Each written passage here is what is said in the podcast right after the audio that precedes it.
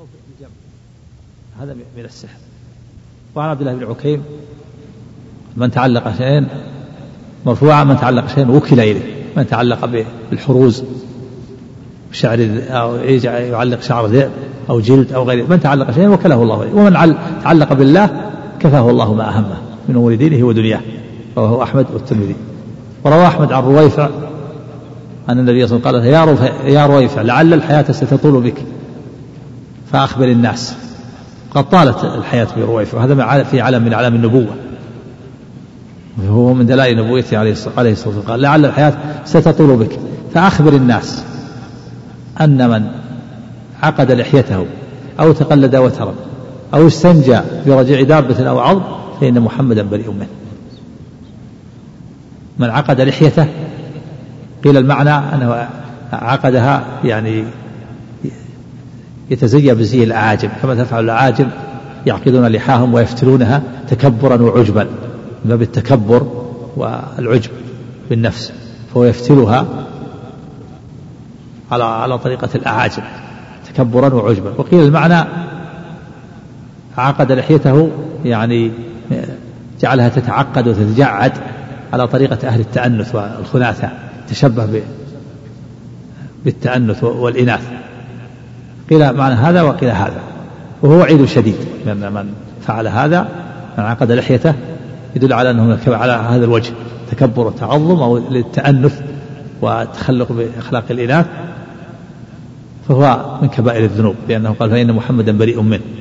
من تعلق من وترا من عقد لحيته أو تقلد وترا وهذا هو الشاهد من الحديث. تقلد وترا يعني قلد الدابة وتر لأجل دفع العين.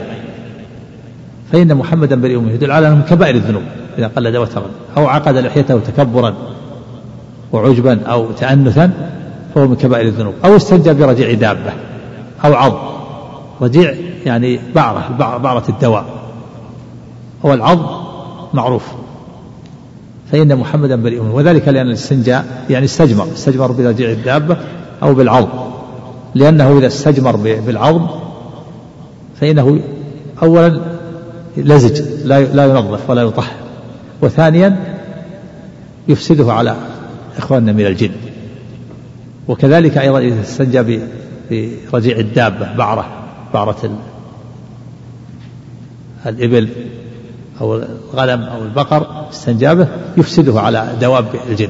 لأنه جاء ثبت في الحديث أن الجن جاءوا إلى النبي صلى الله عليه وسلم وقرأ عليهم القرآن ووعظهم وذكرهم وسألوه الزاد فقال لكم كل عظم ذكر اسم الله عليه يعود أوفر ما كان عليه لحمه وكل بعرة علف لدوابكم. قال النبي صلى الله عليه وسلم فلا تستنجوا بالعظام ولا بالروث فإنه زاد إخوانكم من الجن. فالعظم الذي عظم الذبيحة التي ذكر اسم الله عليها إذا رمي عاد إليه عاد إليه لحمه الذي أكل فيكون طعاما للجن. والدابة والبعرة إذا يعود إليها حبها الذي أكل فتكون علفا لدوابهم. فإذا استنجى بالعظم استجمر بالعاب استجمر بالعظم أو استجمر بالرجيع الدابة أفسدها. أفسدها على الجن أفسدها على إخوان الجن فالعظم يفسدها على على الجن فلا يأكلون اللحم الذي فيه. والبعرة يفسدها على دوابهم. فيكون العلة النهي إفسادها. إفساد إفسادها على إخوان من الجن. وجاء علة أخرى قال لا تستنجوا بالعظم ولا فإنهما لا يطهران. فإن العظم لزج فلا يطهر. فتكون العلتين لأنهما لا ينقيان ولا يطهران ولأنهما زادوا إخوانا من الجن. وفي دليل على أن هذه الأمور التي ذكرت في الحديث من كبائر الذنوب. يقول فإن محمدا بريء منه. إذا جاء في الحديث ليس منا أو أو أو برئ برئ النبي صلى الله عليه وسلم من الحالقة والصالقة والشاقة. أو إن محمدا بريء منه يدل على أنه من كبائر الذنوب. إذا نفي عن صاحب الإيمان إذا قيل فيه ليس منا أو قال إن محمدا بريء منه دل على أنه من كبائر الذنوب. فتكون من تقلد من عقد لحيته تكبرا أو تأنثا كبيرة. وإذا تقلد وترا لأجل دفع العين كبيرة من كبائر الذنوب. وإذا استنجى برجع دابة أو عظم فقد فعل كبيرة. وعن سعيد بن جبير رحمه الله قال من قطع تميمة من إنسان كان كعدل رقبة. رواه وكيع. وسعيد بن تابعي لكن مثل هذا لا يقال بالرأي. محمول على أنه أخذه من الصحابة والصحابة أخذه من النبي صلى الله عليه وسلم فله حكم الرفع لأن مثل هذا لا يقوله الإنسان برأيه. والمعنى أن من قطع تميمة تميمة خيط أو شيء يعلق في رقبة إنسان ثم قطعه كان كعدل رقبة. يعني في الأجر والثواب كان كمن أعتق رقبة. بل إنه أفضل من عتق الرقبة لأن من قطع التميم الإنسان لأن من حرر الرقبة أعتقه من الرق ومن قطع التميم فاعتقه من الشرك. والأعتاق من الشرك أفضل من الأعتاق من الرق. يكون فيكون من قطع تميم الإنسان أفضل ممن أعتق الرقبة إذا حسنت نيته وخلص عمله لله لأنه أعتقه من الشرك. ولمن حرر الرقبة أعتقه من من حرر الرقبة أعتقه من الرق. وإذا قطع التميمة أعتقه من الشرك. وقال وله عن إبراهيم يعني وكيع يعني وله إلى وكيع كانوا يقرؤون التمائم كلها من القرآن وغير القرآن. إبراهيم هو إبراهيم بن يزيد النخعي. كانوا يعني أصحاب عبد الله بن مسعود. لأنه من أصحاب عبد الله بن مسعود مثل مسروق والربيع بن خثيم آه، وعبيدة بن عمرو السلماني. وغيرهم من أصحاب عبد الله بن مسعود كانوا يكرهون التمائم كلها من القرآن وغير القرآن. يعني المعلق التميمة التي تعلق سواء كانت من القرآن وغير القرآن. يكرهون والمراد بكاه التحريم هنا إذا وقع في عرف السلف يعني يحرمون. وهذا هو الصواب. الصواب أن التميمة محرمة من القرآن وغير القرآن من القرآن وغير القرآن ممنوعة وأنها من الشرك لعموم الأدلة. إن الرقى من غير تخصيص ولأنه ولأنها وسيلة إلى تعليق ما ليس من القرآن. ولأنها وسيلة أيضا إلى امتهانها والدخول بها الحمام وبيت الخلاء. فلهذه الأمور الثلاثة الصواب الذي عليه المحققون والذي عليه الجمهور المنع. منع التمائم مطلقا من القرآن وغير القرآن. أما بعض السلف فرخصوا في التميمة من القرآن لأنها قرآن ولا محذور فيها. سم. سم. نعم. نعم. نعم. إيه. إيه. إيه. إيش يقول بالسكون. الودعة ضبط. إيه إيش يقول الودعة ويحرك. جمع ودعاء. فرض بيض فرض بيض تخرج من البحر بيضاء. إيه. الودعة يعني كان الراجح السكون. ودعة ويحرك هذا القول الثاني. فيكون مقدم السكون. ودعة وودعة. إيه. بارك الله فيك. الله إليك ها؟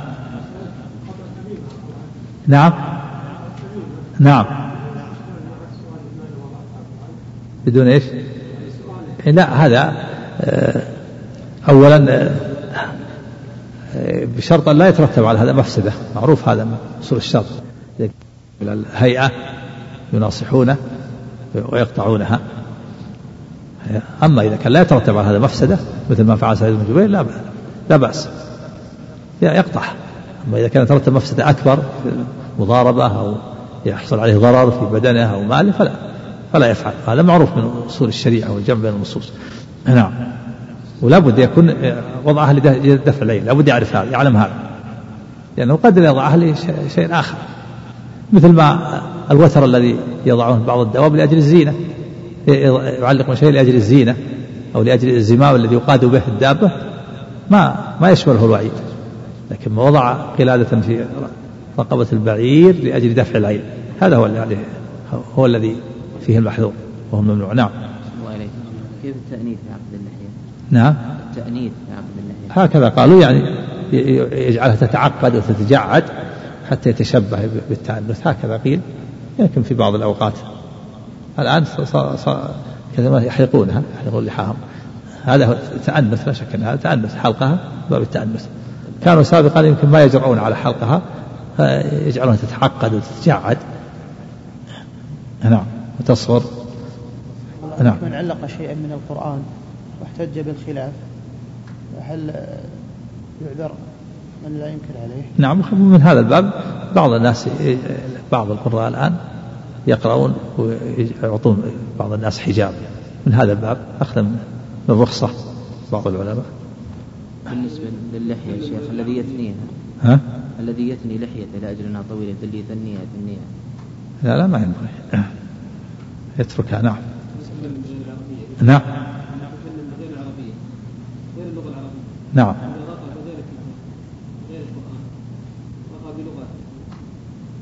ما ينبغي. ينبغي أن يتعلم. ينبغي أن يتعلم اللغة العربية لهذا الأذكار. وقراءة القرآن التكبير والأذكار والتسبيح كلها باللغة العربية يجب عليه يتعلم لكن لو قدر أنه رقاه ولا ولا يعرف إلا هذا ولا يعرف إلا هذا ولا محذور فيه. أرجو أن لا يكون حرج. فيها نعم. ها؟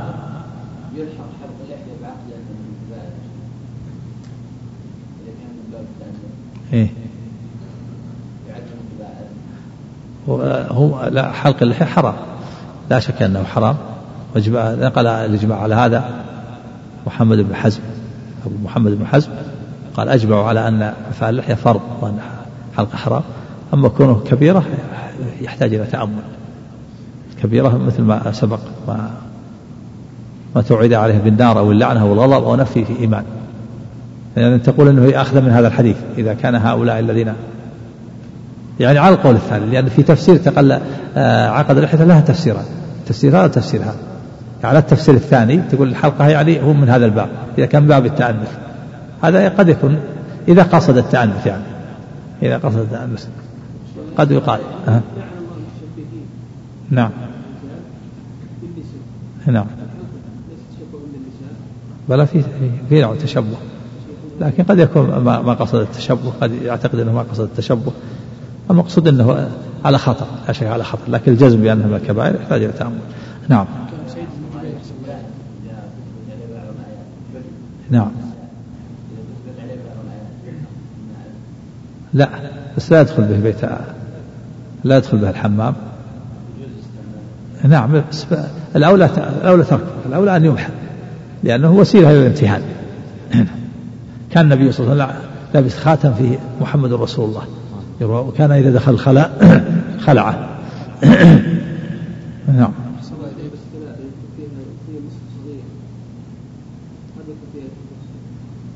يا لا شك أن ترك أولى. ينبغي أن أن يمسح.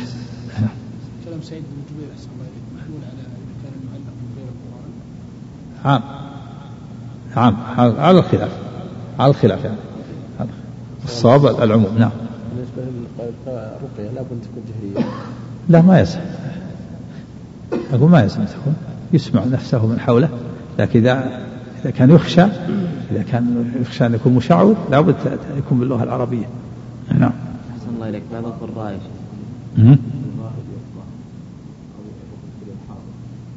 اللغة تكون الحاضر لكن إذا رقى في ماء وأرسل الحاضر جاء الرقية في ماء أو في شيء. شيء يدهن به كما ذكر ابن القيم في زاد المعاد بعض أصحاب الإمام أحمد يكتب في صحن ويشرب أو شيء من هذا. نعم. ها؟ لا. نعم هذا فيه الوعيد وهذا فيه لا. هذا شيء وهذا شيء. قد قد قد يقال أشد وقد يكون وقد لا يكون أشد. لكن في الظاهر أنه أقل. نعم. الله إليك بعض القراء يردد كلمة من آية. إيه؟ بعد ما يقرأ الآية مثلا يردد كلمة مثلا وبطل وبطل يظل يرددها. لماذا؟ يلمس لها أثر على إذا كان كرر الآية لا بأس. جاء في أن النبي صلى الله عليه وسلم جلس بآية حتى, حتى الصباح. إن تعذبهم فإنهم عبادك وإن تغفر لهم فإنك أنت العزيز الحكيم. إذا كان أصلح لقلبه تدبر كرر الآية مرتين ثلاث لا بأس. أما كلمة لا بطل بطل. نعم. كلمة السحر إذا مرت عليه في الآية أيضا يكررها. على كل إذا كان للتدبر لا بأس. لا. ها الرقية؟ إيه. نعم آية. فسيكفيكم الله هو السميع العليم. فسيكفيكم الله هو السميع العليم. فسيكفيكم الله هو السميع العليم. ويدخل يكررها لا بأس. لا ما في ما في شيء ما في شيء محدد مرتين ثلاث أربع سبع قرأ الفاتحة قرأ آية الكرسي. أما كلمة لا ما يظهر ينهى القارئ عنها. إيش؟ آية يعني كلمة ما. ما يتبين معناها إلا مع غيره. سم. بسم الله الرحمن الرحيم. الحمد لله رب العالمين وصلى الله وسلم وبارك على نبينا محمد وعلى آله وصحبه أجمعين. قال المصنف رحمه الله تعالى: باب ما جاء في الرقى والتمائم. أي من النهي وما ورد عن السلف في ذلك. قال المصنف رحمه الله تعالى في الصحيح عن أبي بشير الأنصاري رضي الله عنه أنه كان مع النبي صلى الله عليه وسلم في بعض أسفاره فأرسل رسولا ألا يبقين في رقبة بعير قلادة من وتر أو قلادة إلا قطعت هذا الحديث في الصحيحين عن ابن قوله عن ابن بشير عن أبي بشير بفتح أوله وكسر المعجمة قيل اسمه قيس بن عبيد قاله ابن سعد. قوله قلادة متر أو قلادة شك من الراوي. هل قال النبي قلادة متر أو قال قلادة فقط؟ نعم. وقال ابن عبد البر لا يوقف له على اسم صحيح وهو صحابي شهد الخندق ومات بعد الستين ويقال إنه جاوز المئة. قوله في بعض أسفاره قال الحافظ لم أقف على تعيينه. قوله فأرسل رسولا هو زيد بن حارثة رضي الله عنه روى ذلك الحارث بن أبي أسامة في مسنده قاله الحافظ. قوله ألا يبقين بالمثنات التحتية والقاف المفتوحتين وقلادة مرفوع على أنه فاعل والوتر بفتحتين واحد واحد أوتار القوس. وكان أهل الجاهلية إذا خلولق الوتر أبدلوه بغيره وقلدوا به الدواب اعتقادا منهم أنه يدفع عن الدابة العين. أحسن الله محمد. حمد الفقي يقول وأصل معنى القلادة ما يوضع في العنق من الحلي والزينة للنساء والحبل يوضع في عنق الدابة لتقاد به. ومثل ذلك ما يعلقه بعض الناس اليوم على السيارات من صورة قرد ونحوه وما يضع بعضهم على أبواب البيوت والحوانيت من من حدوة حمار أو حصان وتعليق سنابل من الحنطة أو غير ذلك. هذا ما ما قلادة ما يسمى قلادة. في السيارات قرد وصوت قرد وكذا. ما هو قلادة لكنها ممنوعة من جهة أخرى. القلادة معروف ما يقلد في العنق. هذا القلادة. يقلد في العنق. فإذا وضع قلادة على البعير أو الدابة لأجل دفع العين هذا ممنوع. هذا من من التمائم أما إذا وضعه للزينة أو لتقاد به فهذا ليس ممنوعا. إنما إذا وضعه من أجل دفع العين. أما اللي يوضع في السيارات يوضع في البيوت وكذا من جهة أخرى عادة من جهة أخرى إذا وضع في السيارة قصد دفع العين يصير هذا من باب التميمة لا ما هو من باب القلادة ووضع صورة قرد هذا شو شو وضع صورة قرد إيش؟ نعم. هذا ممنوع من جهة الصورة ما, ما يجوز نعم قال ومثل ذلك ما يعلقه بعض الناس اليوم على السيارات من صورة قرد ونحوه وما يضع بعضهم على أبواب البيوت والحوانيت من حدوة حمار أو حصان. هذا من باب التميمة إذا كان يقصد بهدف العين القرد ما ما أدري إيش مقصودهم القرد وضع القرد في السيارة هذا ما هو عندنا عندهم عندهم في مصر. هذا عاد من جهة هذا في ممنوع من اقتناء الصور الصور نعم. كذا إذا كان قصد دفع العين من باب التميم ها؟ إيه أو شعر الذئب إذا علقه صار تميما. وإذا علقه وإذا لم يعلق قصد دفع العين في معنى التميم فممنوع لا يجوز هذا إذا كان قصد دفع العين. لا ما, ما كل هذا مو مشروع. نعم. قوله أو قلادة إلا قطعت معناه أن الراوي شك هل قال شيخه قلادة من وتر؟ أو قال قلادة وأطلق ولم يقيد. ويؤيد الأول ما روي عن مالك أنه سئل عن القلادة فقال ما سمعت بكراهتها إلا في الوتر ولأبي داود ولا قلادة بغير شك. يعني يريد قلادة من الوتر. نعم. قال البغوي في شرح السنة تأول مالك أمره عليه الصلاة والسلام بقطع القلائد على أنه من أجل العين وذلك أنهم كانوا يشدون تلك الأوتار وأنهم وذلك أنهم كانوا يشدون تلك الأوتار والتمائم والقلائد ويعلقون عليها العود. العود. العود.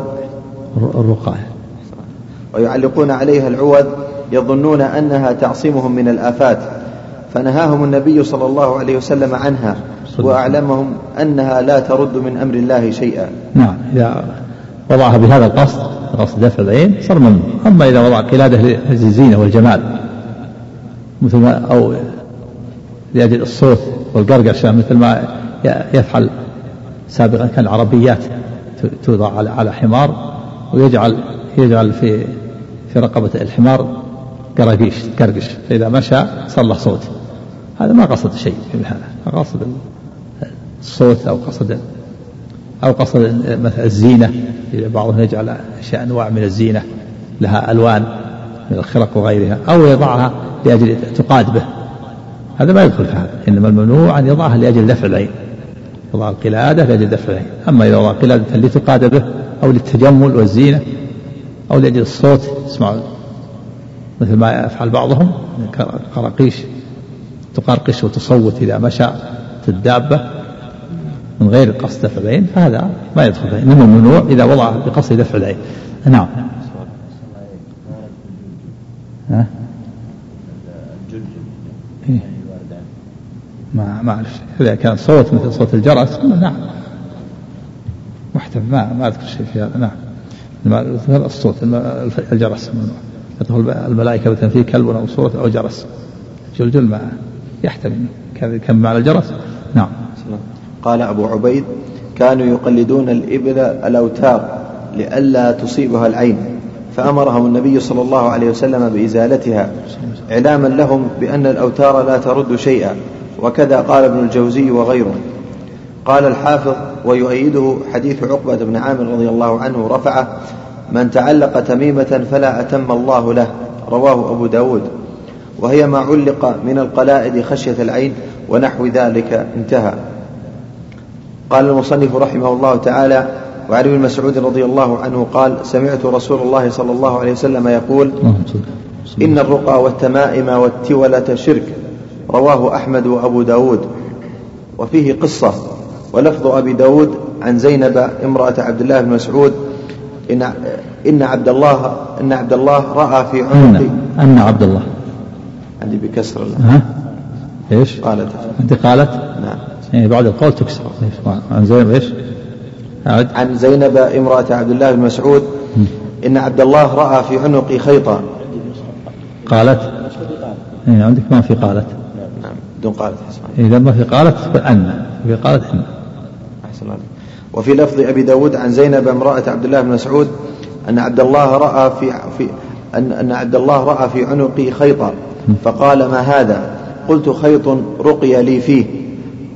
قالت فأخذه ثم قطعه. ثم قال أنتم آل عبد الله آل أنتم آل عبد الله أحسن عليك. ثم قال أنتم آل عبد الله لا أغنياء عن الشرك. سمعت رسول الله صلى الله عليه وسلم أنتم آل عبد الله يعني آل عبد الله نعم وأغنياء تصير هي الخبر. أنتم أغنياء عن الشرك آل عبد الله أنتم يا آل عبد الله أحسن عليك. نعم. ثم قال أنتم آل عبد الله لأغنياء عن الشرك. نعم. سمعت رسول الله صلى الله عليه وسلم يقول إن الرقى والتمائم والتولة شرك ف... قال من أول الحديث إلى هنا ليس في سنن أبي داود في باب تعليق التمائم وهو عند ابن ماجه بلفظ كانت عجوز تدخل علينا من الحمرة. من من الحمرة.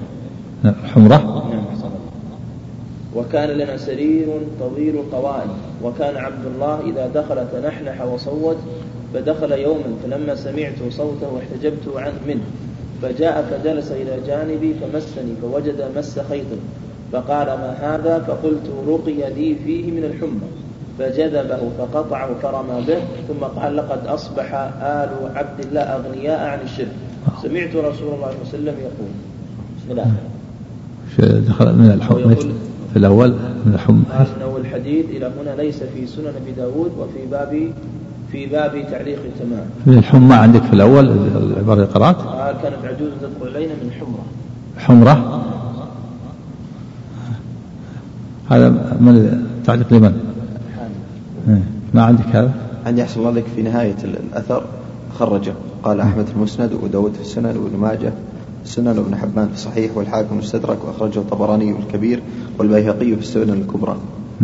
ولا ذكر في آخر الأثر. تفصيل هذا. فقلت لقد كانت فقلت لقد كانت عيني تقذف وكنت أختلف إلى فلان اليهودي. فإذا رقى سكنت. فقال عبد, فقال عبد الله إنما ذلك عمل الشيطان كان ينخسها بيده فإذا رقى كف عنها.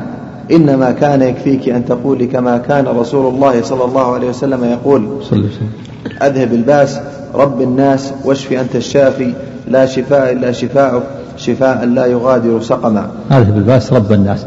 هذا هذا دعاء نبوي رقية شرعية. اللهم رب الناس أذهب الباس واشف أنت الشافي. لا شفاء إلا شفاك ولا يغادر سقما هكذا يكرر هو ينفث أو يقول بسم الله يرقيك من كل شيء يؤذيك ومن شر كل نفس وعين حاسد الله يشفيك بسم الله يرقيك.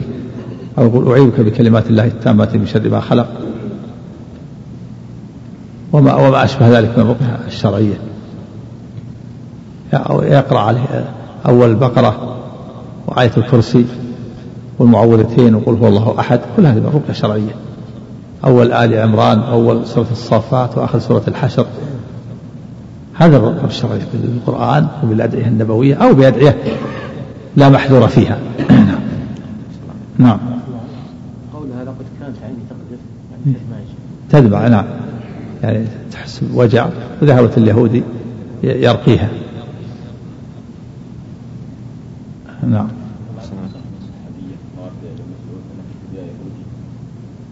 محتمل أن هذا في اول في أول الأمر ما ما علمت الحكم. نعم، هو بعيد. فلما نصح عبد الله يعني علمت ما علمت الحكم الشرعي في اول في أول الهجرة. نعم. فقال عبد الله إنما ذلك عمل الشيطان كان ينخسها بيده فإذا رقى كف عنها. إنما كان يكفيك أن تقولي كما كان رسول الله صلى الله عليه وسلم يقول أذهب الباس رب الناس. واشف أنت الشافي لا شفاء إلا شفاؤك شفاء لا يغادر سقما. ورواه ابن ماجه وابن حبان والحاكم وقال صحيح وأقره الذهبي.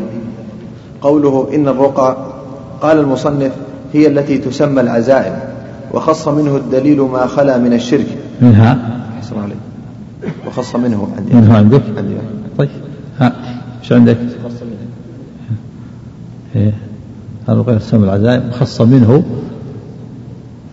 يعني من هذا الأمر. ولا إذا أريد الرقى يكون خص منها. نعم. نعم. قال وقال المصنف هي التي تسمى العزائم وخص منه الدليل ما خلا من الشرك فقد رخص فيه رسول الله صلى الله عليه وسلم من العين والحمى. يشير إلى أن الرقى الموصوفة بكونها شركا هي التي يستعان هي التي يستعان فيها بغير الله. وأما إذا لم يذكر فيها إلا أسماء الله وصفاته وآياته والمأثور عن النبي صلى الله عليه وسلم فهذا حسن جائز أو مستحب. قوله فقد رخص فيه رسول الله صلى الله عليه وسلم من العين والحمى كما تقدم في باب من حقق التوحيد. وكذا رخص في الرقى من غيرها كما في صحيح مسلم عن عوف بن مالك قال كنا عن عوف بن مالك كنا نرقى في الجاهلية فقال يا فقلنا يا رسول الله كيف ترى في ذلك؟ فقال اعرضوا علي رقاكم. لا بأس بالرقى ما لم تكن شركا.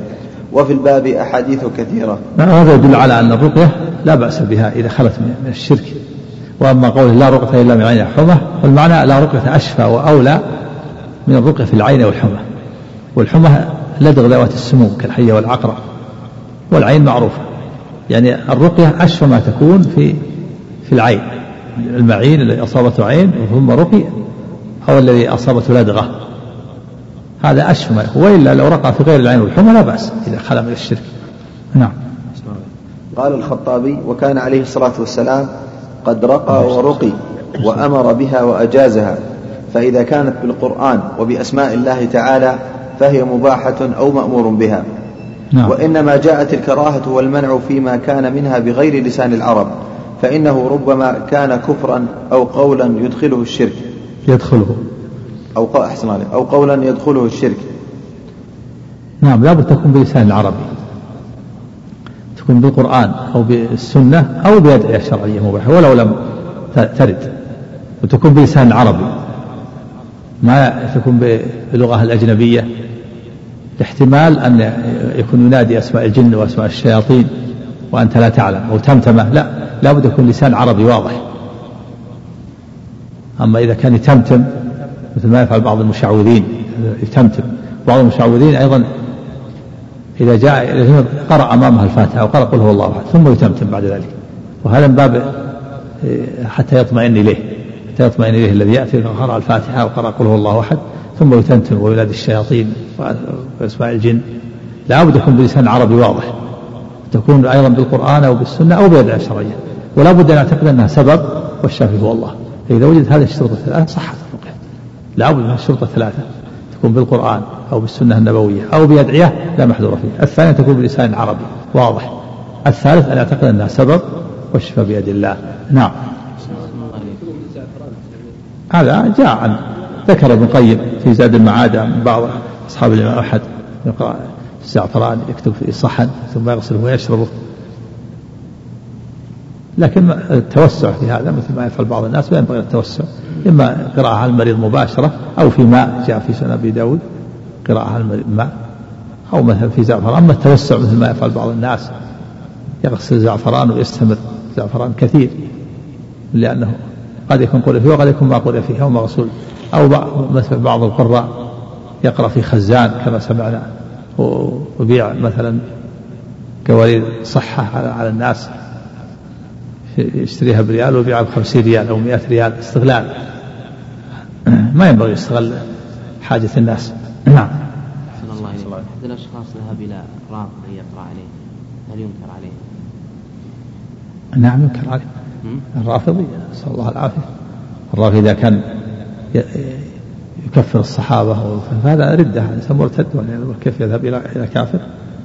مع عبد الله بن مسعود هذا قبل أن تعلم الحكم في أول في أول الهجرة لما أنكر عليه قال أنه ما يقرأ إلا القرآن. كيف؟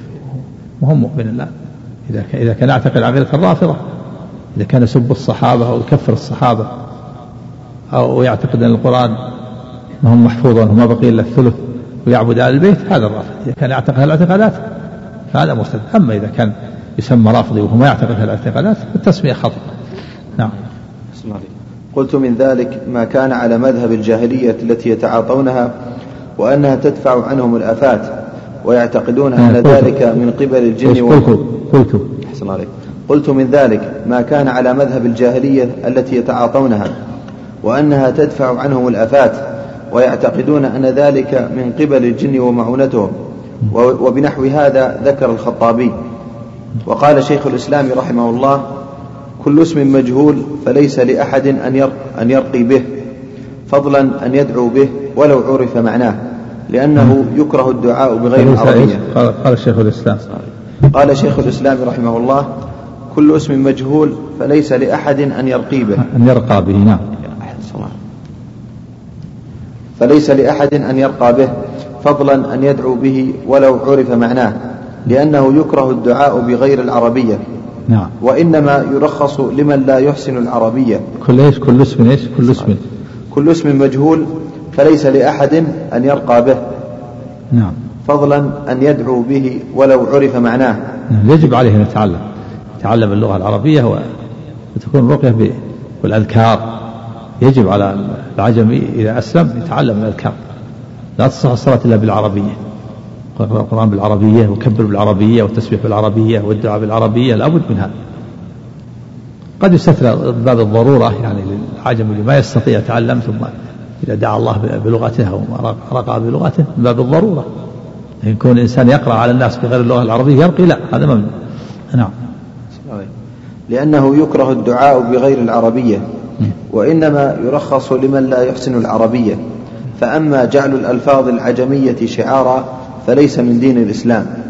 هنا أحسن عليك قال محمد حمد فقي وذلك مثل قول أرباب الطرق الصوفية في أورادهم كركدا كرددا دهدة أصباؤوت أهيا شراهية جلجلوت.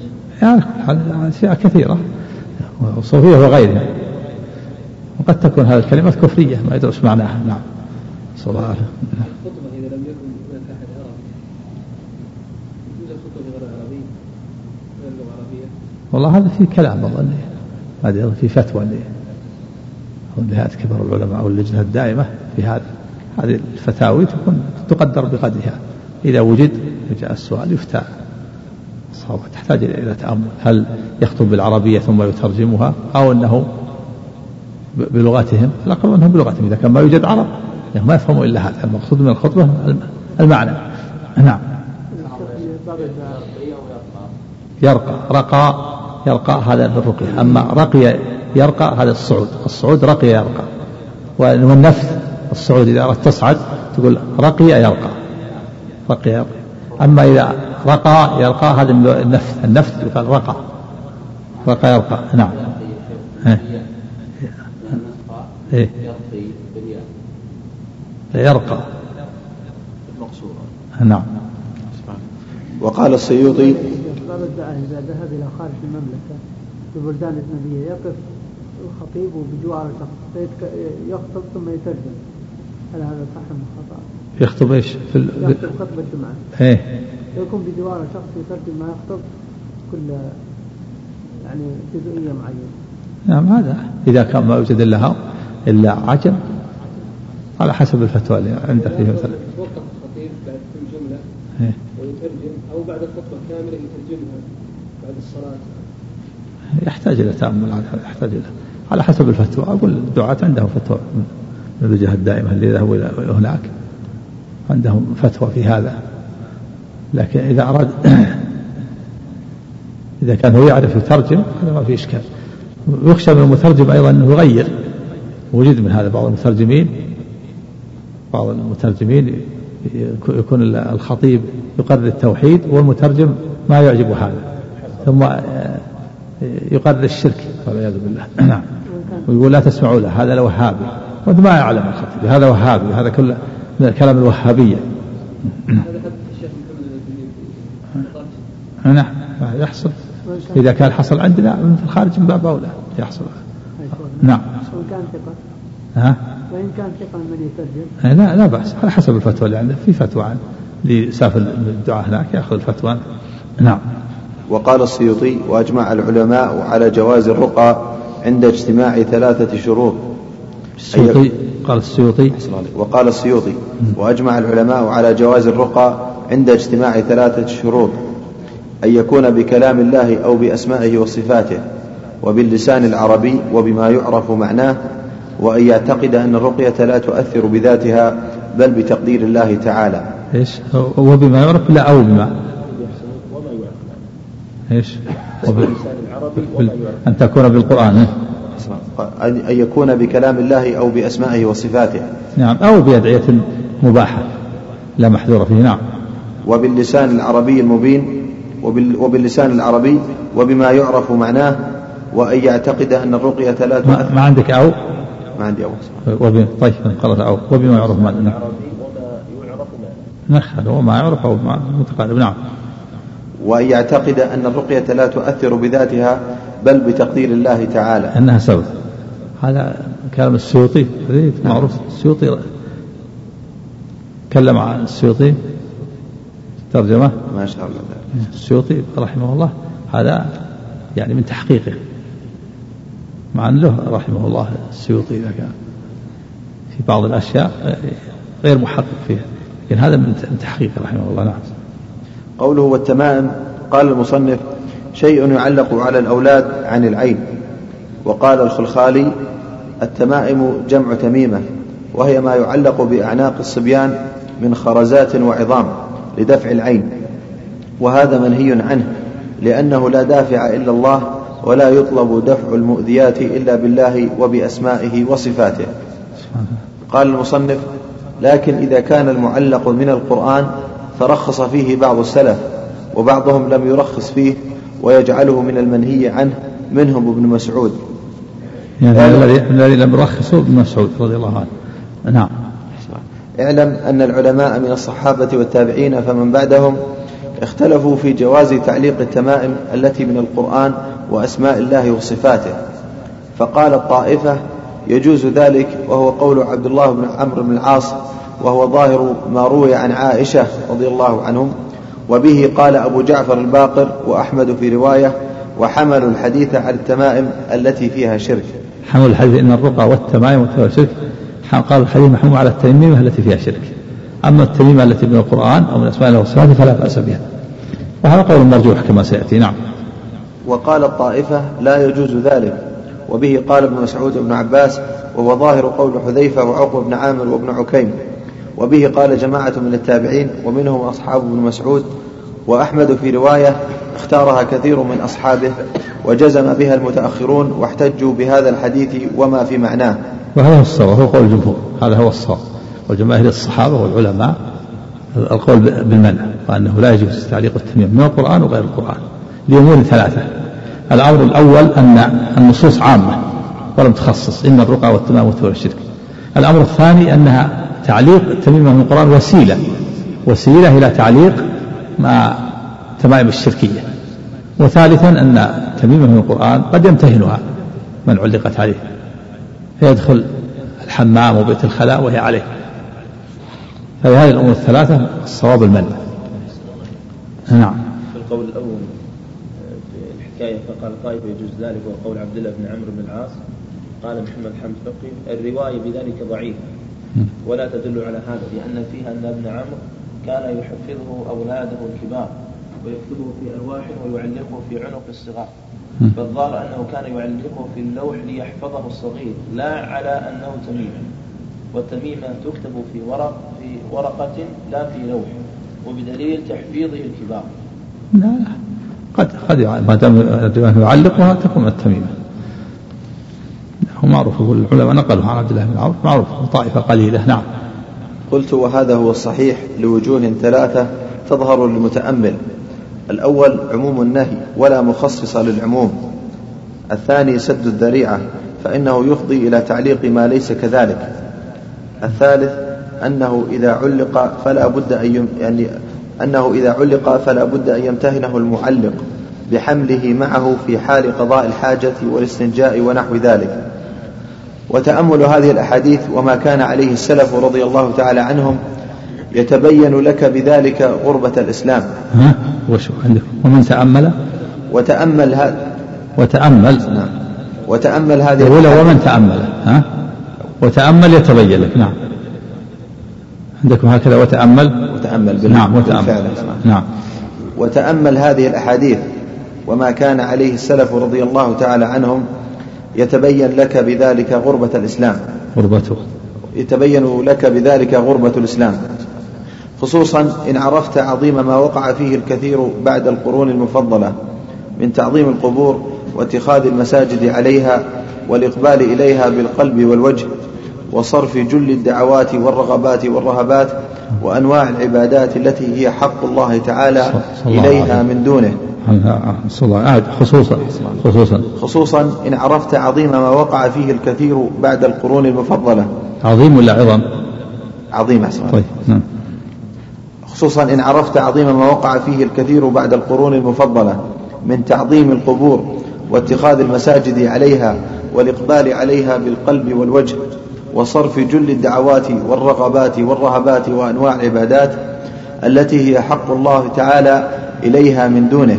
كما قال تعالى ولا تدع من دون الله ما لا ينفعك ولا يضرك. فإن فعلت فإنك إذا من الظالمين. وإن يمسسك الله بضر فلا كاشف له إلا هو. وإن يردك بخير فلا راد لفضله. يصيب به من يشاء من عباده وهو الغفور الرحيم. ونظائرها في القرآن أكثر من أن تحصر الشيخ محمد رحمه الله ما رجح في قول السلف نعم. على لا. ما يدل على يدل على التبويب. التبويب يدل على هذا. أو ما جاء في الرقى والتمام لأن المسألة فيها خلاف على عادة البخاري رحمه الله. ترجمته مثل بعض طريقة البخاري في التراجم. مسألة خلافية. لكن صريعه يدل على المنع. على المنع. أو ما جاء في الرقى والتمائم سياق الحديث. نعم. قوله والتولة شرك. قال المصنف هو شيء يصنعونه يزعمون أنه يحبب المرأة إلى زوجها والرجل, والرجل إلى امرأته. وبهذا فسره ابن مسعود راوي الحديث كما في صحيح ابن حبان والحاكم. قالوا يا أبا عبد الرحمن هذه الرقى والتمائم قد عرفناها فما التولة قال شيء يصنعه النساء يتحببن إلى أزواجهن. قال الحافظ التولة بكسر المثناه وفتح الواو واللام مخففة شيء كانت المرأة تجلب به محبة زوجها وهو ضرب من السحر والله أعلم. نعم. لأنه من العطف. السحر منه الصرف والعطف. وهذا يوجد يوجد من بعض النساء قد يتعاطين وبعض النساء تأتي من البادية. نوع من النساء يسمى البادية يسمى الصلب. يأتون يتصل بعض النساء وتأخذ منها شيء نوع تعلمها أو تعطيها شيء تعمله. تزعم أنه يصرف زوجها إليها وأنها لا يضره هذا نوع من السحر. السحر منه الصرف والعطف. نعم. وكان من الشرك لما يراد به من دفع المضار وجلب المنافع من غير الله تعالى. نعم. لأنها تقصد جلب المنفعة أن زوجها ينع... تعطف زوجها عليها ويميل إليها ويحبها. نعم. قال المصنف رحمه الله تعالى وعن عبد الله بن عكيم مرفوعا من تعلق شيئا وكل إليه رواه أحمد والترمذي. ورواه أبو داود والحاكم وعبد الله بن عكيم هو بضم المهملة مصغرا ويكنى أبا معبد. أبا؟ أبا, أبا معبد. نعم. الجهني الكوفي.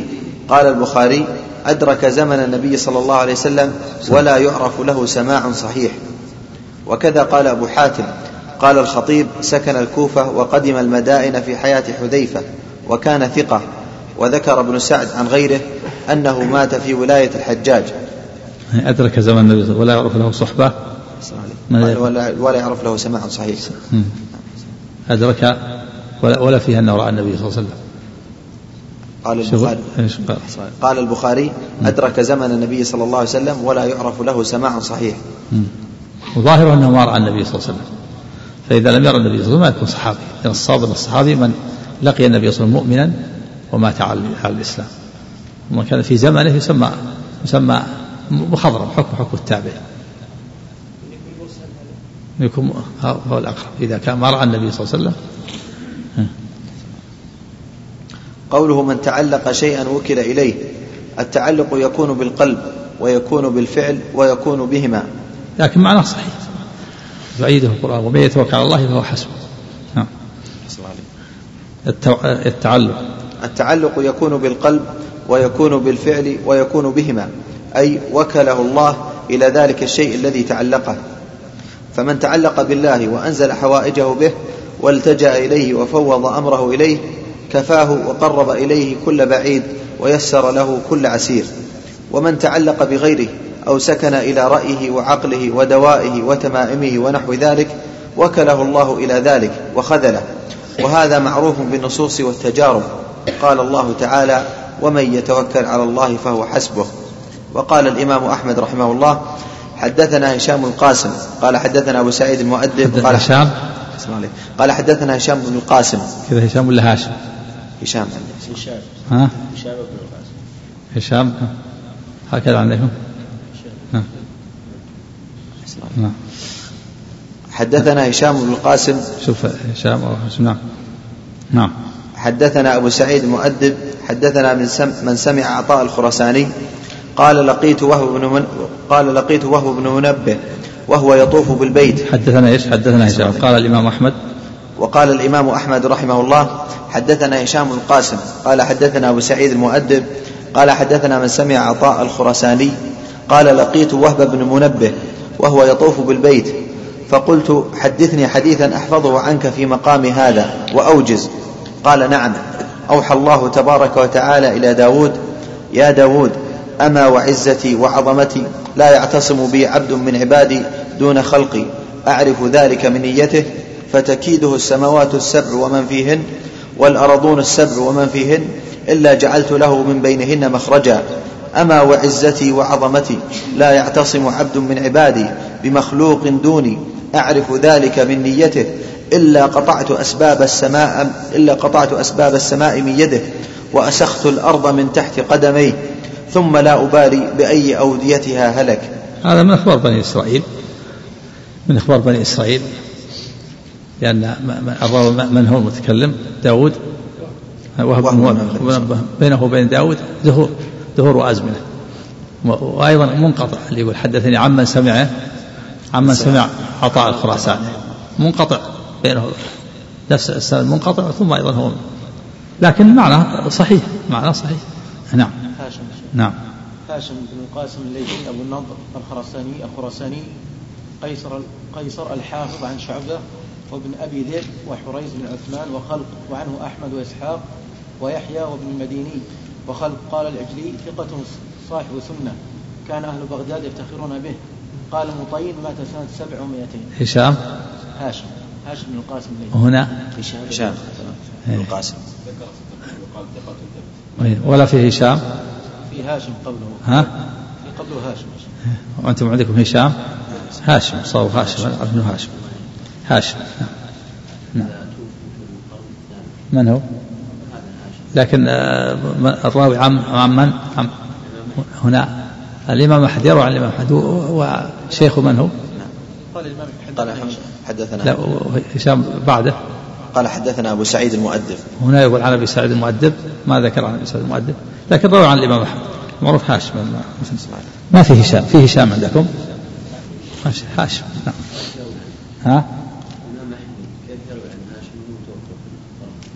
من قال؟ قال قال الإمام أحمد حدثنا هشام. إيه. وهاشم هذا متوفى في سنة سبع كم وفاته يقول؟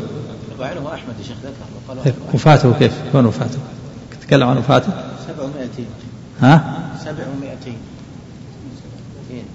ها؟ 200 سبع ها؟ سبع ومائتين نعم 141 الإمام أحمد نعم قال المصنف رحمه الله تعالى سعدل عدل هاشم صوب نعم ما في هشام نعم قال المصنف رحمه الله تعالى وروى الإمام أحمد عن رويفع رضي الله عنه قال قال لي رسول الله صلى الله عليه وسلم. بارك سمع بسم الله الرحمن الرحيم. الحمد لله رب العالمين.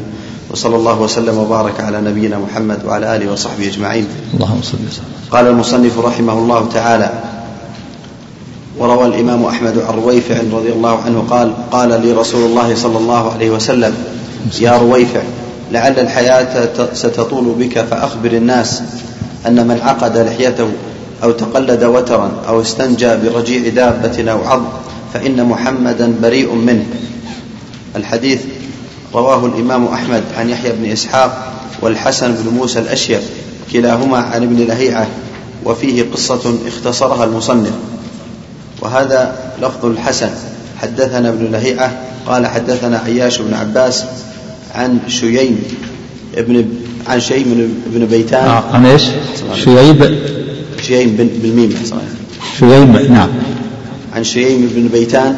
قال حدثنا رويفع بن ثابت رضي الله عنه قال كان أحدنا في زمن رسول الله صلى الله عليه وسلم يأخذ جمل أخيه على أن يعطيه النصف مما يغنم وله النصف حتى إن أحدنا ليصير له النصل والريش وللآخر القدح. قدح قدح وهذا هذه المضاربه المعروفة في الشرق. يعطيه الجمل يشتغل عليه. وما كسبه يكون بينهما نصفين مثل لو أعطيت إنسان سيارة يشتغل عليها. يكد عليها وتقول ما حصلت على النصف هذا أحسن لو يستعملها آه، الليموزين لو يستعملوا هذه المضاربة أحسن. أحسن لهم من كونهم يطلبوا منها أن يأتي كل يوم 300 ريال أو 500 ريال. يجعلونهم يعني يسرعون ويعملون أخطار خاطرون. لو جعلها على كذا مضاربة شرعية كان طيب. لكن ما يأمنونه هذه المضاربة الشرعية. تدفع على السيارة تقول اشتغل وما حصلت من المكسب بين النصفين. أو لي الثلث ولك الثلثان. أو لي الثلثان ولك الثلث. أو تعطيها المال تقول اشتغل فيه. هذا المضاربة. اشتغل فيه. رأس المال لك أنت. والمكسب على حسب ما تتفقون. هذا المضاربة لذلك يعطيه جمله يشتغل يعطيه سيارة يشتغل يشتغل فيها المكسب هذه المضاربة الشرعية نعم. نعم. جهاد في أي شيء؟ ذكر قال يعطيه مما يأخذ إيه ما يخالف. في الغنيمة يعطيها. ولو, ولو في الغنيمة نعم في الغنيمة كذلك أيضا. ولو في الغنيمة ما في مال. يعطيه يجاهد عليه والغنيمة بينهم نصفين. ما يحصل لنا الجمل له ما في مانع الحديث في سند لاهية لاهية ضعيف. احترقت كتبه في تغير حفظه. لكن له شواهد نعم. قال قال حدثنا رويفع بن ثابت رضي الله عنه قال كان أحدنا في زمن رسول الله صلى الله عليه وسلم يأخذ جمل أخيه على أن يعطيه النصف مما يغنم وله النصف حتى إن أحدنا لا يصير له النصر والريش وللآخر القدح. ثم قال لي رسول الله صلى الله عليه وسلم الحديث. ثم رواه أحمد عن يحيى بن غيلان. قال حدثني المفضل. قال المفضل. الفتح قال حدثني المفضل قال حدثنا عياش بن عباس أن أن شييم بن بيتان أخبره أنه سمع شيبان القتباني الحديث.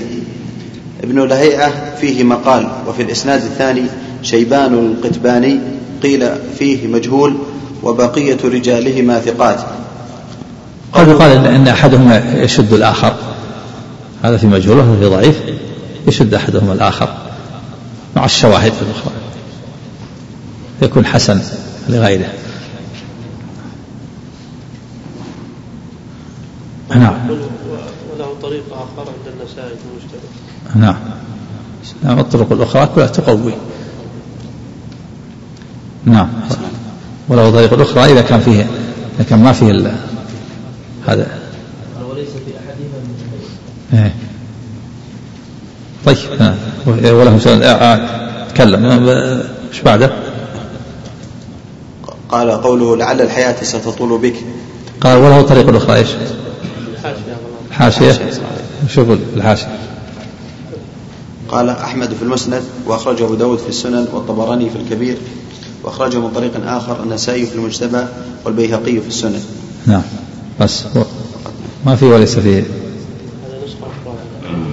ها؟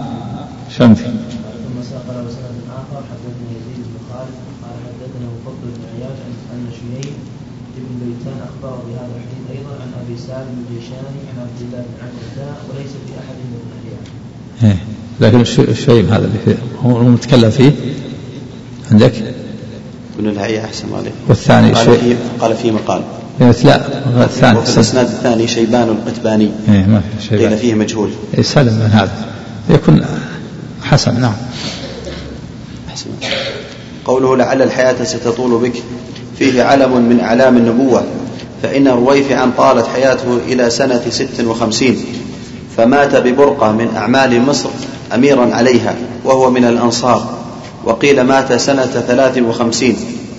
قوله فأخبر الناس هذا من علامات النبوة. قال لا الحادثة الصدوق طالت به حياته. يكون من علامات النبوة ومن دلائل النبوة عليه الصلاة والسلام. نعم.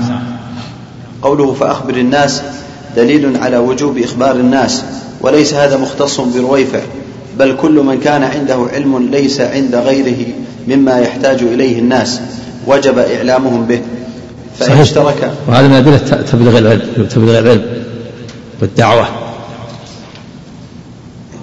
ويجب التبليغ عند عند الحاجة إذا احتاج الناس وليس يجب أن تبلغ. وكذلك إذا سئلت عن الحلم يجب أن تبلغ. ما تكتم. وما عدا ذلك يكون مستحب. نعم. فإن اشترك هو وغيره في علم ذلك فالتبليغ فرض كفاية. نعم فرض كفاية. إذا قام بما سقط عن الباقي. نعم. قاله أبو زرعة في شرح سنن أبي داود. قاله أبو زرعة. نعم قاله أبو زرعة في شرح سنن أبي داود. نعم. أبو زرعة هذا ابن ترجم له. ابن عبد الرحيم العراقي. نعم. ترجم له في الحاشية. نعم. قال أبو زرعة ولي الدين أحمد بن عبد الرحيم بن الحسين بن عبد الرحمن الكردي الشافعي المعروف بن العراقي. نعم ابن عبد الرحيم هذا من شيوخ الحافظ بن حجر العراقي نعم. وهذا ابنه أبو زرعة نعم. قال ابن صاحب الألفية فقيه محدث له كتاب التحرير والدليل القويم وشرح سنن أبي داود كتب منه سبع مجلدات إلى أثناء إلى أثناء سجود السهو وأطال فيه. رحمه الله نعم. قوله أن من عقد لحيته بكسر اللام لا غير والجمع لحى. لحى. بالكسر والضم قاله الجوهري لحى ولحى نعم لحى ولحى نعم. قال الخطابي أما ها؟ لحي بالكسر لا الكسر لا وضمه. لحى ولحى ما مقصور ما هو ما في ما في ها؟ نعم نعم المقصور الألف. لحاء ولحاء. الألف المقصورة لا ما, ما هي ليست فيها. مقصور ألف. لحاء ولحاء. نعم. نعم. الأفضل أحسن لك أن تكتب الألف ممدودة مقصورة؟ لا مقصورة. أي ممدودة. نعم. قال الخطابي أما نهيه عن عقد اللحية فيفسر على وجهين. أحدهما ما كانوا يفعلونه في الحرب كانوا يعقدون لحاهم وذلك من زي بعض الأعاجم يفتلونها ويعقدونها. قال أبو السعادات تكبرا وعجبا. فيكون فيه فيه أمر الأمر الأول تشبه بالعاجم والأمر الثاني التكبر والعجب. نعم. صلى الله عليك ما يستثنى في حالة الحرب؟ لا. نعم يحتاج إلى دليل. نعم. حديث أنها لمشية صلى الله عليك لا. شيخ هذا المشي غير. نعم. ثانيهما أن معناه معالجة الشعر ليتعقد ويتجعد وذلك من فعل أهل وذلك من فعل أهل التأنيث. قال تشبه بالنساء. الأول تشبه بالعاجم والثاني تشبه بالنساء. نعم. قال أبو زرعة بن العراقي والأولى حمله على عقد اللحية في الصلاة كما دلت عليه رواية محمد بن الربيع وفيه أن من عقد لحيته في الصلاة. هذا معنى ثالث يعني. في الصلاة خاص نعم. نعم. قلت وهذه الرواية لا تدل على تخصيصه في الصلاة. إيش؟ قال, قال أبو زرعة. قال أبو زرعة. قال أبو زرعة بن العراقي والأولى حمله على عقد اللحية في الصلاة كما دلت عليه رواية محمد بن الربيع وفيه أن من عقد لحيته في الصلاة.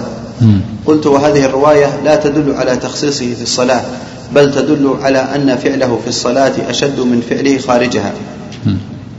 قوله أو تقلد وترى أي جعله قلادة في عنقه أو عنق دابته. وفي رواية ابن محمد بن الربيع أو تقلد وترى يريد تميمة. فإذا كان هذا في من تقلد وترى فكيف بمن تعلق بالأموات وسألهم قضاء الحاجات وتفريج الكربات؟ أعظم وأعظم لأنه شرك والعياذ بالله. إذا كان الذي تقلد وترا مرتكب كبيرة برئ منه النبي صلى الله عليه وسلم مجرد تقليد فكيف بمن دعا الأموات ونذر لهم وذبح لهم واستغاث بهم؟ وسلم تفريج الكربات وإغاثة اللهفات. الله هو الشرك الأكبر. نعوذ بالله. نعم. فإذا كان هذا في من تقلد وترى فكيف بمن تعلق بالأموات وسألهم قضاء الحاجات وتفريج الكربات؟ وما يترتب على ذلك من العبادة التي لا يستحقها إلا رب الأرض والسماوات الذي جاء النهي عنه وتغليظه في الآيات المحكمات. قوله أو استنجى برجيع دابة أو عظم فإن محمدا بريء منه قال النووي رحمه الله أي بريء من فعله وهذا خلاف الظاهر والنووي كثيرا ما يتأول الأحاديث بصرفها عن ظاهرها. نعم الصواب أنه بريء من الفعل نفسه. هذا باب الوعيد. هذا عند أهل العلم ما يفسر. يترك حتى يكون أدعى للزجر. ويدل على أنه من الكبائر أن هذا من كبائر الذنوب. ما برئ منه النبي صلى الله عليه وسلم وقال قيل فيه ليس منا. أو توعد بالنار أو اللعنة والغضب أو وجب في حد في الدنيا هذا هو كبيرة. نعم. النووي يتساهل رحمه الله يتأول. يقول ليس منا من حمل عليه الصلاة ليس منا يقول ليس من أهل طريقتنا. هذا تأويل. نعم. والنووي كثيرا ما يتأول الأحاديث بصرفها عن ظاهرها فيغفر الله تعالى له. بل هو بريء من الفاعل وفعله. وفي صحيح مسلم عن ابن مسعود رضي الله عنه مرفوعا لا تستنجوا بالروث ولا العظام فإنه زاد إخوانكم من الجن نعم. وعليه لا يجزئ الاستنجاء بهما كما هو ظاهر مذهب أحمد لما روى ابن خزيمة والدار قطني عن أبي هريرة رضي الله عنه أن النبي صلى الله عليه وسلم نهى أن يستنجى بعظم أو روث وقال إنهما لا يطهران. نعم. فهما لا يطهران ولا ولأنهما زاد إخوانا من الجن فلا يجوز الاستثناء يحرم الاستنجاب استجمار بالروث والعظم حرام لأن النهي للتحريم. وهو أيضا لا يطهر ولا يجزي ولا ينقي. ولهذا لما أمر النبي صلى الله عليه وسلم أبا هريرة أن يأتي له بثلاثة أحجار أتى بحجرين وروثة ألقى الروثة وقال إنها ركس. وجاء في في في حديث في المسلم قال ائتني بغيرها. فلا يجزي. الاستنجاب بالعظم الروث ولا يحسن وهو حرام أيضا. ولا ينقي العظم أيضا لا ينقي. المقصود أن أن أنه لا يجوز الاستثناء بالعظم والروث حرام لأنه لأمرين الأمر الأول أنه زاد ويخرج من الجن والأمر الثاني أنه أنه لا يطهران نعم. لو صلى يا شيخ الصلاة باطلة. صلى بإيش؟ بعد ما توضأ استنجى. روث عظم توضأ. لا صلاته صحيحة. إنما الإثم عليه في, في فعله. نعم. نعم. قال المصنف رحمه الله تعالى وعن سعيد بن جبير قال من قطع تميمة من إنسان كان كعدل رقبة. رواه وكيع. نعم قال وعليه لا يجزئ الاستنجاء به. هذا إذا اقتصر عليه ما يعني. إذا إذا اقتصر على عظم روث ولم يستعمل الماء أو لم يأتي بثلاثة أحجار غيرها ما ما تجزيه ما ما ما, ما استنجى ما تطح يعني يجوز الإنسان أن يقتصر على الاستجمار بشروط الشرط الأول أن تكون ثلاثة أحجار وأن تكون منقية وأن لا يتجاوز الخرج من العادة. إذا كان حجر أو حجران ما يكفي. إذا كان حجرا وأحدهما روث وعظم ما يكفي. لابد يستنجي بالماء ولا يأتي بغيره بزيادة. فإن لم يفعل ما صح. ما, ما تطهر. نعم. هذا إذا إيش؟ إذا لم يأتي بغيرها ولم ولم يستنجي بالماء. أما لو استنجى بالماء أو أتى بحجر آخر حتى استكمل ثلاثة أحجار زيادة عليها هذا استجابة صحيح استجابة صحيح. نعم. قال المصنف رحمه الله تعالى وعن سعيد بن جبير رحمه الله قال من قطع تميمة من إنسان كان كعدل رقبة. رواه وكيع.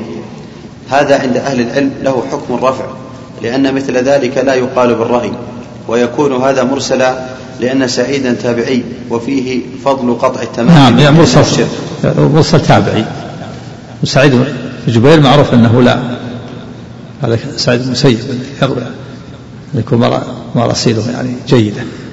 المقصود أنه مرسل يحمل على أنه مرسل صحابي وأنه أخذ عن الصحابة ويحتمل أنه قاله باجتهاده لأنه قد يقال أنه للرأي فيه مجال.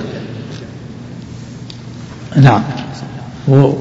واجتهد وتأمل ورأى أن قطع التميم من الإنسان اعتاق له من الشرك. فهو كمن اعتق رقبة لأن اعتاق الرقبة تحذير الله من الرق لأن الرق كالبهيمة يباع ويشترى. فإذا حره يعني إذا اعتقه اعتقه من الرق. فكذلك من قطع تميم الإنسان اعتقه من الشرك من رق الشرك. والاعتاق من رق الشرك أعظم من الاعتاق من رق العبودية. نعم. وفيه فضل قطع التمائم لأنها شرك. ووكيع هو ابن الجراح بن وكيع الكوفي. ثقة وكيع. أحسن عليك. ووكيع هو ابن الجراح ابن وكيع الكوفي. ابن مليح. ابن مليح صلح. ابن مليح الرؤاسي. أبوه مليح. هو والد والد الشافعي رحمه الله. شيخ الشافعي رحمه الله. شيخ الشافعي. كابن الجراح وشيخه. هو الذي شكا إليه. سوى حفظه. البيات المعروفة شكوته إلى وكيع سوى حفظي. فأرشدني إلى ترك المعاصي. وقال أعلم بأن العلم نور ونور الله لا يؤتاه عاصي. هذا في, في سن الطلب. الشافعي رحمه الله شكا إلى شيخ وكيع سوى الحفظ. فقال فأرشدني إلى ترك المعاصي. شكوت إلى وكيع فوكيع بن مليح هذا. الرؤاسي شكوت إلى وكيع سوء حفظي. فأرشدني إلى ترك المعاصي. وقال أعلم بأن العلم نور ونور الله لا يؤتاه عاصي نعم. وكيع هو ابن الجراح ابن مليح الكوفي ثقة إمام صاحب التصانيف منها الجامع وغيره. روى عنه الإمام أحمد وطبقته. مات سنة سبع وتسعين ومائة. رحمه الله. قال المصنف رحمه الله تعالى وله عن إبراهيم قال كانوا يكرهون التمائم كلها كلها, كلها من من القرآن وغير القرآن. إبراهيم هو الإمام إبراهيم بن يزيد النخعي الكوفي. يكنى أبا عمران. ثقة من كبار الفقهاء. قال المزي دخل على عائشة ولم يثبت له سماع منها. مات سنة ست وتسعين ولو خمسون سنة أو نحوها. رحمه الله نعم. قوله كانوا يكرهون التمائم إلى آخره. مراده بذلك أصحاب عبد الله بن مسعود رضي الله عنه. كعلقمة والأسود وأبي وائل والحارث بن سويد وعبيدة السلماني وعبيدة السلماني. كعلقمة. كعلقمة والأسود نعم. كعلقمة والأسود وأبي وائل والحارث بن سويد وعبيدة السلماني ومسروق والربيع بن خثيم وسويد بن غفلة. غفلة. وسويد بن غفلة فتحات. وسويد بن غفلة وغيرهم. وهم من سادات التابعين. يعني مراد أصحاب عبد الله بن مسعود كانوا يكرهون التمائم كلها من القرآن وغير القرآن وهذا هو الصواب أن القرآن أن التمائم ممنوعة من القرآن وغير القرآن. نعم. لأن النصوص عامة ولأنها وسيلة إلى الامتهان ووسيلة أيضا إلى تعليق ما ليس من القرآن. نعم. وهذه الصيغة يستعملها إبراهيم في حكاية أقوالهم كما بين ذلك الحفاظ كالعراقي وغيره. نعم. قال فيه مسائل. الأولى تفسير الرقى والتمائم. نعم وأنا كما سبق أن الرقى هي تسمى العزائم والتمائم ما, ما يعلق نعم. الثانية من الحرز وغيره نعم. الثانية تفسير التولة. نعم وأن شيء يصنعونه. حب المرأة إلى زوجها ورجل إلى امرأته ضرب من السحر نعم. الثالثة أن هذه الثلاثة كلها من الشرك من غير استثناء. نعم التمائم والتولة الرقى والتمائم والتولة. الرقى جاء الاستثناء ما ليس في ما خلا من الشرك فهو جائز. نعم. الرابعة أن الرقية بالكلام الحق أن الرقية بالكلام الحق من العين والحمى ليس من ذلك. نعم.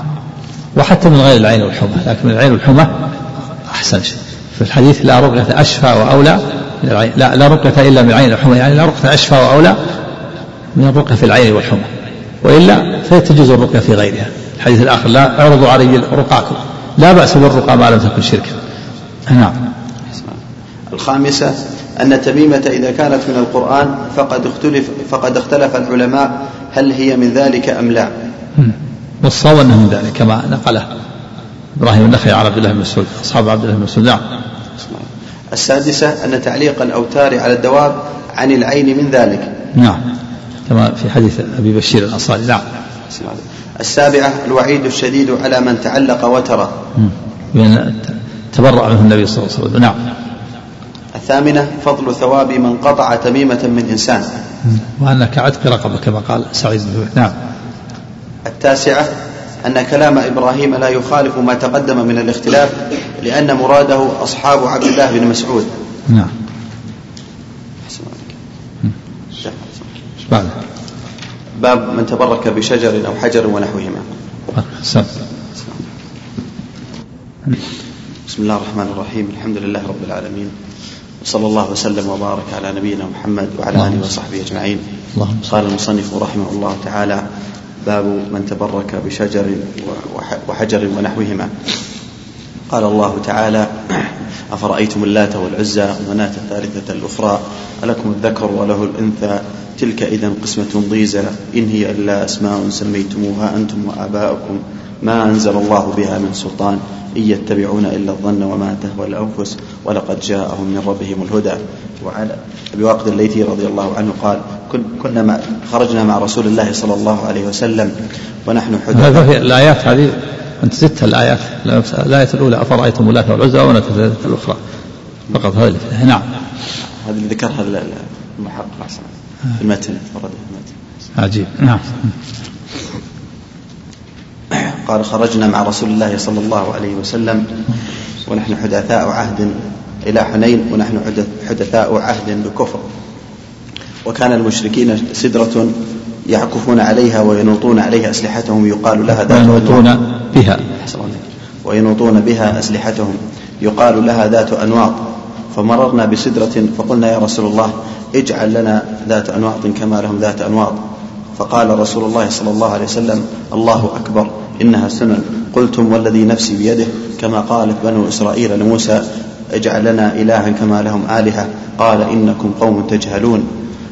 لتركبن سنن من كان قبلكم. رواه الترمذي وصححه. نعم. الرحمن الرحيم. الحمد لله رب العالمين والصلاة والسلام على محمد. قال المصنف رحمه الله تعالى وهو الإمام الشيخ محمد محمد بن عبد الوهاب رحمة الله عليه في كتاب التوحيد باب من تبرك بشجر وحجر ونحوهما. ترك المؤلف رحمه الله الحكم ليتأمل طالب العلم ينظر في الأدلة التي ذكرها ثم يحكم على من تبرك بشجر. والتقدير باب من تبرك بشجر وحجر ونحوهما فقد أشرك. فقد أشرك شركا أكبر لأن التبرك طلب البركة واعتقادها ورجاؤها في الشجر والحجر فمن اعتقد البركة ورجاها وطلبها وأملها من الشجر أو حجر أو حيمة واعتقد أن أن البركة تحصل منها بذاتها فقد أشرك شركا أكبر. وهذا هو الواقع من المشركين فإنهم يعكفون عند القبور ويعظمونها ويتبركون بها ويستغيثون بها ويذبحون لها وينذرون لها رجاء البركة. فمن تبرك بشجر أو حجر أو أو نحوهما كبقعة أو غار أو عين أو بنية أو غيرها يطلب البركة منها ويرجوها ويؤملها منها ويعتقد أن فيها البركة لذاتها فقد أشرك شركا أكبر. ثم قال المؤلف رحمه الله يقول الله تعالى أفرأيتم اللات والعزى ومناة الثالثة الأخرى؟ هذه هي الأصنام الثلاثة الكبيرة المعروفة في الجاهلية اللات والعزى ومناة هذه الأصنام الكبيرة العظيمة التي أعظم أعظم الأصنام الموجودة عند العرب. وإلا فقد كثرت الأصنام والأوثان قبيل بعثة النبي صلى الله عليه وسلم حتى صار لكل قبيلة وثن وصنم يعبدونه بل لكل أهل بيت. وحتى كان الواحد منهم إذا ذهب إذا خرج البرية أو غيرها أخذ صنما يعبده حتى كان بعضهم إذا خرج في البرية وأتى بثلاثة أحجار ونصب عليها قدر يطبخ فيها أخذ حجرا رابعا وعبده. وإذا لم يجد شيئا جمع التراب وحلب عليه من لبن الشاة ثم يطوف به ويعبد من دون الله. حتى كان بعضهم يأتي بتمرة فيعبدها ثم يأكلها. نسأل الله السلامة والعافية. قال سبحانه أفرأيتم اللات والعزى ومناة الثلاثة الأخرى؟ واللات صنم لأهل الطائف وأصله وأصلها صخرة بيضاء. كان رجل صالح يلت عليه السويق للحاج. فلما مات عكفوا على قبره. وقرئت اللات بالتشديد اسم للرجل. الذي يلت السويق على الحاج. فلما مات قالوا في قبره صلاح وعبده من دون الله. وقرئ اللات بالتخفيف اسم للصخرة التي يلت عليها السويق ولا منافاة. فعبد فهذا الشخص عبد والصخرة عبدت التي عنده فتكون العبادة واقعة على الصخرة وعلى على الشخص. فمن قال إنها الصخرة أو قال إنها هذا الرجل فلا منافاة. كان أهل الطائف يعبدونها من دون الله. ثم لما فتحت الطائف أمر النبي صلى الله عليه وسلم بهدمه بهدم اللات. ولما جاء أهل الطائف طلبوا من النبي صلى الله عليه وسلم أن يبقي لهم اللات ثلاث, ثلاث سنين لأن قلوبهم متعلقة بها. وقالوا لا نستطيع هدمها في الحال.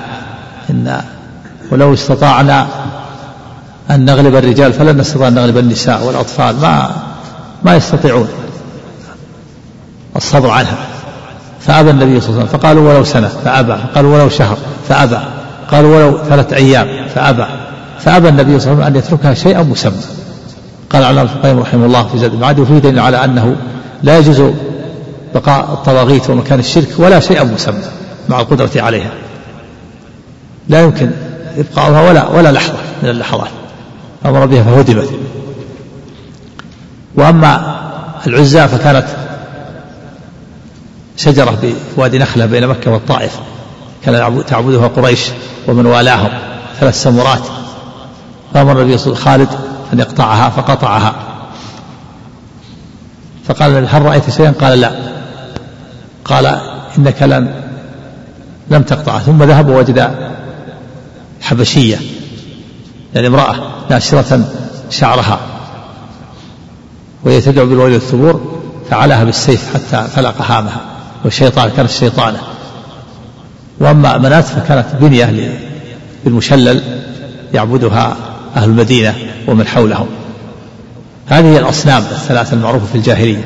أفرأيتم اللات الكبيرة أكبر الأصنام وإلا في الأصنام كثيرة. أفرأيتم اللات والعزى ومنة الثالثة الأخرى؟ قال الله تعالى ألكم الذكر وله الأنثى؟ يعني إنهم ينسبون الإناث إلى الله ويجعلون الملائكة بنات الله وينسبون لأنفسهم الذكور. وهم ينسبون البنات إلى الله ويختارون لأنفسهم أحسن صنفين. فالذكور أفضل من الإناث. يجعلون لأنفسهم الذكور ويجعلون لله البنات. ولهذا قالت تلك إذا قسمة ضيزة جائرة. لو كانت هذه القسمة مع المخلوق لكانت جائرة. فكيف مع الله؟ والله تعالى منزه ليس له شريك وليس له صاحب ولا ولد. لكن مع ذلك يقسم هذه القسمة الجائرة. ألكم الذكر وله الأنثى؟ تلك إذا قسمة ضيزة. ثم بين الله أن هذه أسماء سموها وعبدوها من دون الله. إن هي إلا أسماء سميتم وأنتم وآباؤكم ما أنزل الله بها من سلطان. في حديث أبي واقد الليثي رضي الله عنه قال خرجنا مع رسول الله صلى الله عليه وسلم في غزوة حنين. ونحن حدثاء عهد بكفر. هذا اعتذار من أبي واقد الليثي. كيف طلبوا يعني طلبوا أن أن يجعل لهم النبي صلى الله عليه وسلم سدرة يعكفون عندها لأنهم أسلموا حديثا. أسلموا بعد فتح مكة ثم أخذهم النبي صلى الله عليه وسلم لغزوة حنين. وكانت بعد فتح مكة. لم يمضي مدة. ولهذا اعتذر أبو الذي فقال نحن حدثاء عهد بكفر. يعني ما مضى علينا وقت بعد إسلامنا. مضى علينا وقت قليل. فتحت مكة ثم ذهبوا مع النبي صلى الله عليه وسلم لحنين. قال فمررنا والمشركين سدرة يعكفون عندها وينوطون بها أسلحتهم. يقال لها ذات أنواط. يعني مروا بالمشركين ولهم سدرة معروف شجرة السدرة معروفة. يعكفون عندها يعني يتبركون بها ويعلقون بها أسلحتهم ويقيمون ويطيلون المكث عندها وجاء البركة منها. ثم مشوا فمروا بسدرة فقالوا يا رسول الله اجعل لنا ذات أنواط يسمونها ذات أنواط مشركون المشركون يسمونها ذات أنواط. ثم لما مشى مضوا ومروا بسدرة قالوا يا رسول الله اجعل لنا ذات أنواط كما لهم ذات أنواط. قالوا هم جهلهم بسبب جهلهم. لأن الإيمان ما ثبت في قلوبهم. أسلموا حديثا ولهذا قال ونحن حدثاء عهد بالشرك. فأنكر عليهم النبي قال الله أكبر. إنها السنن. وفي فيه مشروعية تكبير عند التعجب. عند التعجب يشرع التكبير. تعظيم الله عز وجل والتسبيح. بعضها سبحان الله. سبحان الله شاء الله أعظم من ذلك. خلاف لما يفعله بعض بعض الناس من التصفيق. إذا أعجبوا صف هذا غلط. التصفيق من خصال كفره من خصال النساء. قال إنما التصفيق للنساء. إذا حصل للإمام شيء فإن الرجال يسبح وإذا كان معه نساء يصلين تصفق المرأة ببطن كفها على ظهرها هكذا. قال إنما التصفيق للنساء. فالتصفيق للنساء. وقال في في صفات المشركين وما كان صلاتهم عند البيت إلا مكاء وتصدية. تعبدون. التصدية تصفيق والمكاء الصفير فلا ينبغي للمسلم أن يصفق بل إذا أعجبه يقول الله أكبر كما قال النبي صلى الله عليه وسلم أو سبحان الله قال الله أكبر إنها السنن يعني الطرق. يعني سلكتم مسلك من قبلكم من المشرك من الكفار. قلتم والذي نفسي بيده كما قالت بنو إسرائيل لموسى اجعل لنا إلها كما لهم آلهة. قال إنكم قوم تجهلون. فيه أن العبرة بالمعاني والحقائق لا بالألفاظ. العبرة بالمعاني والمقاصد والحقائق. لأن مقالة بني إسرائيل تختلف عن مقالة أصحاب النبي صلى الله عليه وسلم في اللفظ لكن المعنى واحد. فإن بنو فإن فإن بني إسرائيل طلبوا من موسى أن يجعل لهم إلها. وجاوزنا من بني إسرائيل البحر فأتوا على قوم يعكفون على أصنام لهم قالوا يا موسى اجعل لنا إلها كما لهم آلهة. قالوا اجعل لنا إلها كما لهم آلهة. اجعل لنا إله نعبد كما لهم آلهة. وأصحاب النبي صلى الله عليه وسلم قال اجعل لنا ذات أنواط كما لهم ذات أنواط. اجعل لنا شجرة نتبرك بها ونعكف عندها ونعلق بها أسلحتنا كما يفعل المشركون. ومن المعلوم أن التبرك ورجاء البركة واعتقاد الشرك. فهؤلاء طلبوا الشرك وهؤلاء طلبوا الشرك. فالمقالة معناها متفق وإن كان اللفظ مختلف. فالعبرة بالمقاصد والحقائق والمعاني لا لا بالألفاظ. ولكن أصحاب النبي لم يقعوا في الشرك. لأمرين الأمر الأول أنهم لم يفعلوا الشرك والثاني أنهم طلبوا عن جهل فلما زجرهم النبي إن زجروا ولم ولم يفعلوا. فدل على أن من طلب أن يفعل الشرك ولم يفعل بسبب جهله أنه لا لا يكفر. ما وقعوا في الشرك. لأنهم طلبوا هذا عن جهل ولم يفعلوا ما فعلوا الشرك وإنما زجرهم النبي صلى الله عليه وسلم. ودل الحديث على أنهم لو تبركوا بالشجرة لا أشركوا. وهذا هو الشاهد الترجمة. باب من تبرك بشجر وحجر ونحوه فمن تبرك بشجر أو حجر أو بقعة أو غار يطلب البركة منها ويعتقدها فيها ويؤملها. وأن البركة تحصل منها بذاتها فقد أشرك شركا أكبر نعم. سم.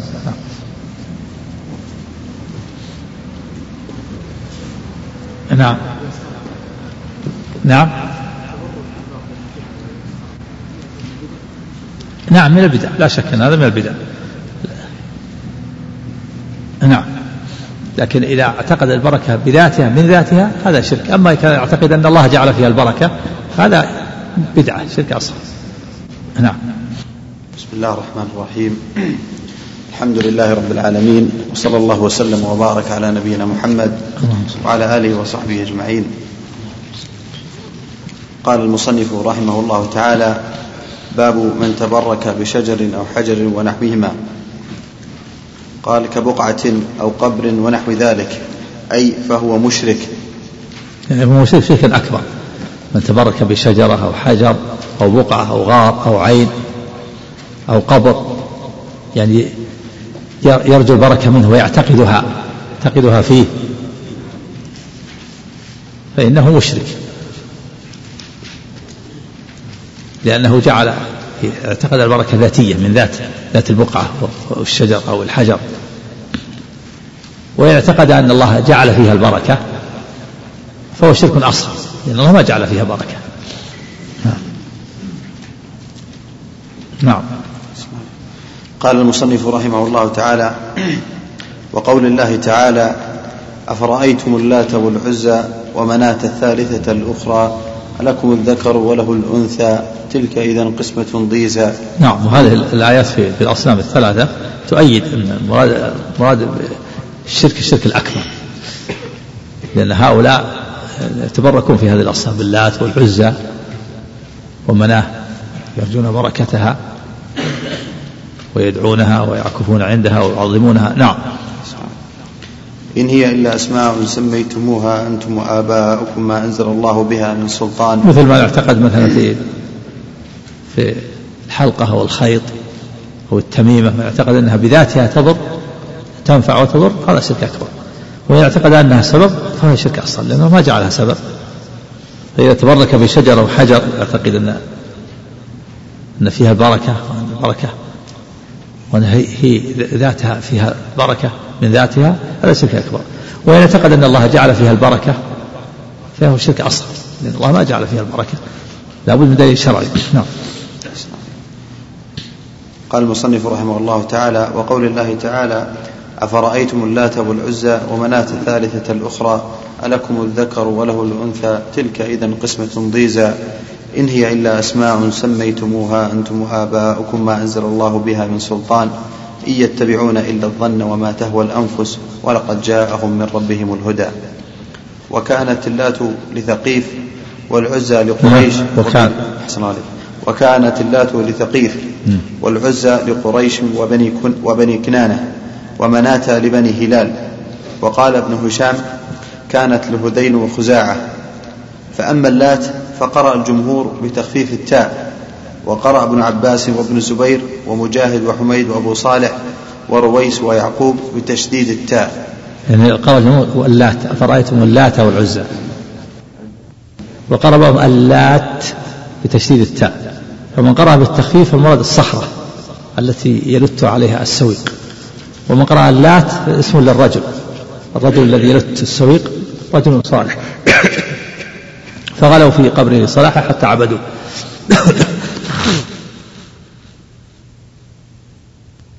ولا ما لم